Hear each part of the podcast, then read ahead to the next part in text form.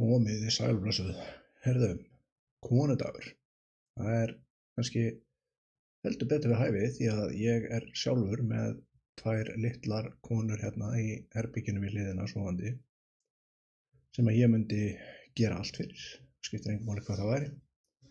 Allt saman. En í dag er konudagur og það er náttúrulega bara þá við hæfi að við hérna, heiðrum þær í dag. Og sem sagt, í dag er dagur kvenna á Íslandi. Gleðilegan konudag elsku konur þarna úti. Ef að þú ert hissa á því að hér fögnum við konudeginu vegna þess að þú heldur að broadcast, eða kannski bara ég hati konur þá verður þú ekki verið að horfa eða hlusta. Í þættinum ættum við að skoða örf á af þeim fjölmörgu dæmum um konur sem hafa markað söguna, hvort sem það eru einstaklingar sem einstaklingar eða hópur og við ætlum að fagna þeim og heyra þeir. Ekki að því okkur finnst við þurfa þess, heldur einfallega því okkur langar til þess.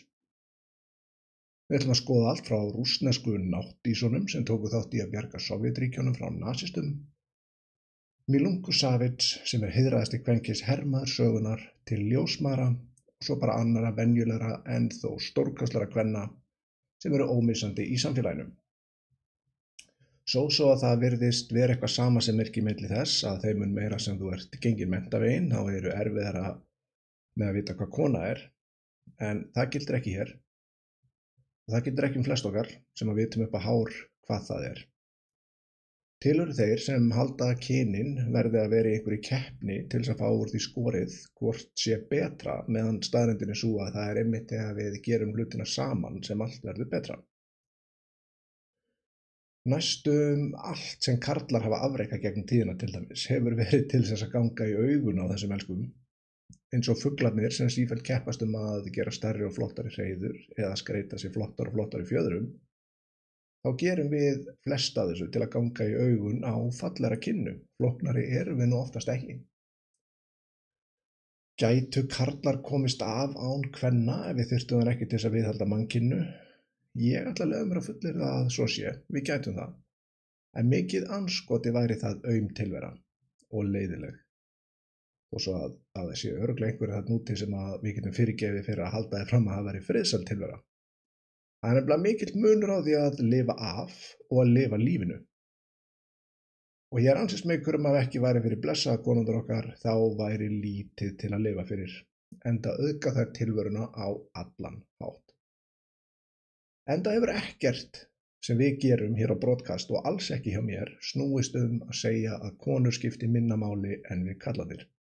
Heldur að bæði kyn eru jafn mikilvæg og skipta jafn miklu máli. Við nefnilega trúum því af öllu hjarta að það besta sem við getum gert til að gera heiminn fyrir betri fyrir konur, það sé að búa til betri kalla. Margir halda því fram að kallmenn séu sterkari en gleima því ofta styrkur er mældur á mjög ólíkan hátt. Við getum kannski hoppa að herra en það er vegna þess að líka með okkar er ekki gerður til þess að afreka mesta kraftaverki heimi sem er að búa til líf. Sá andlegi styrkur einn og sér sem þarf til að ganga í gegnum slíkt er meiri en margir karlar sína á allir lífsleðinni. Og er dæmi um styrk sem fáir kallmenn eru færir um. Eða jafnvel engin. Nú, eða... Hmm. Klikkað til. Annað dæmi um mikinn styrk hverna er til dæmis að mæta í vinnuna með kvef. Það geta fáir kallmenn. Enda þurfa þær að vera auðvitað stórkostlegar til þess að við látum okkur hafa allt sem því fylgir að búa með þeim. Það má með sanni segja að við getum ekki unnið þann slag að vera metast við konundur okkar.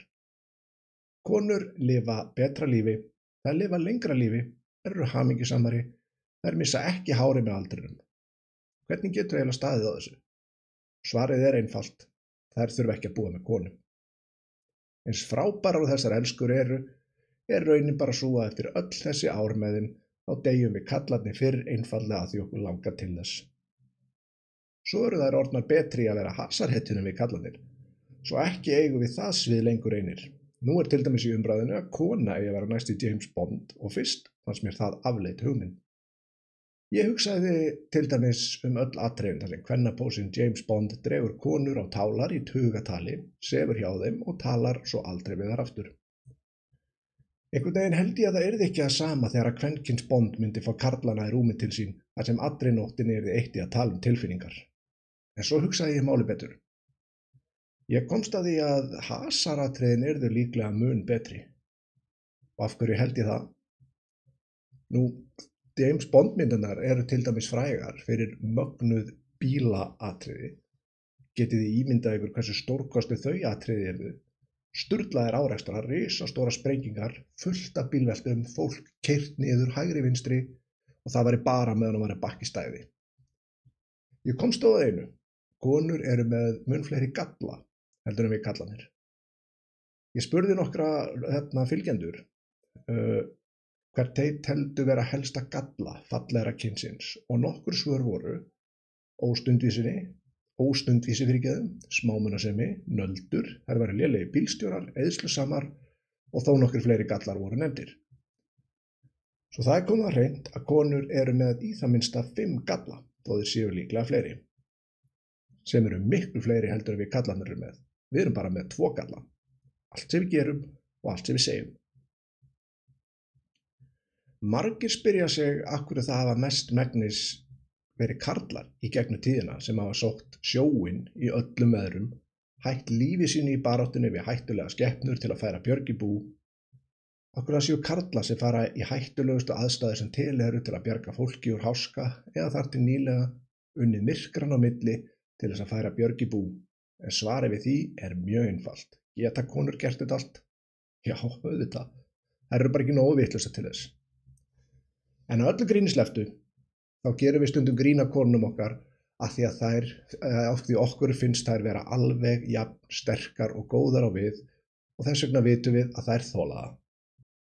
Konur hafa með vinnu sinni, launari og ólaunari, gert mögulegt allt það góða sem við búum við í dag, alveg svo við kallanir. Ekkert síður. Þær eiga skilið að við komum fram við konurnar í lífi okkar eins og við viljum að aðri komi fram við dætur okkar. Þess vegna eru við fyrirmyndir á allan hátt.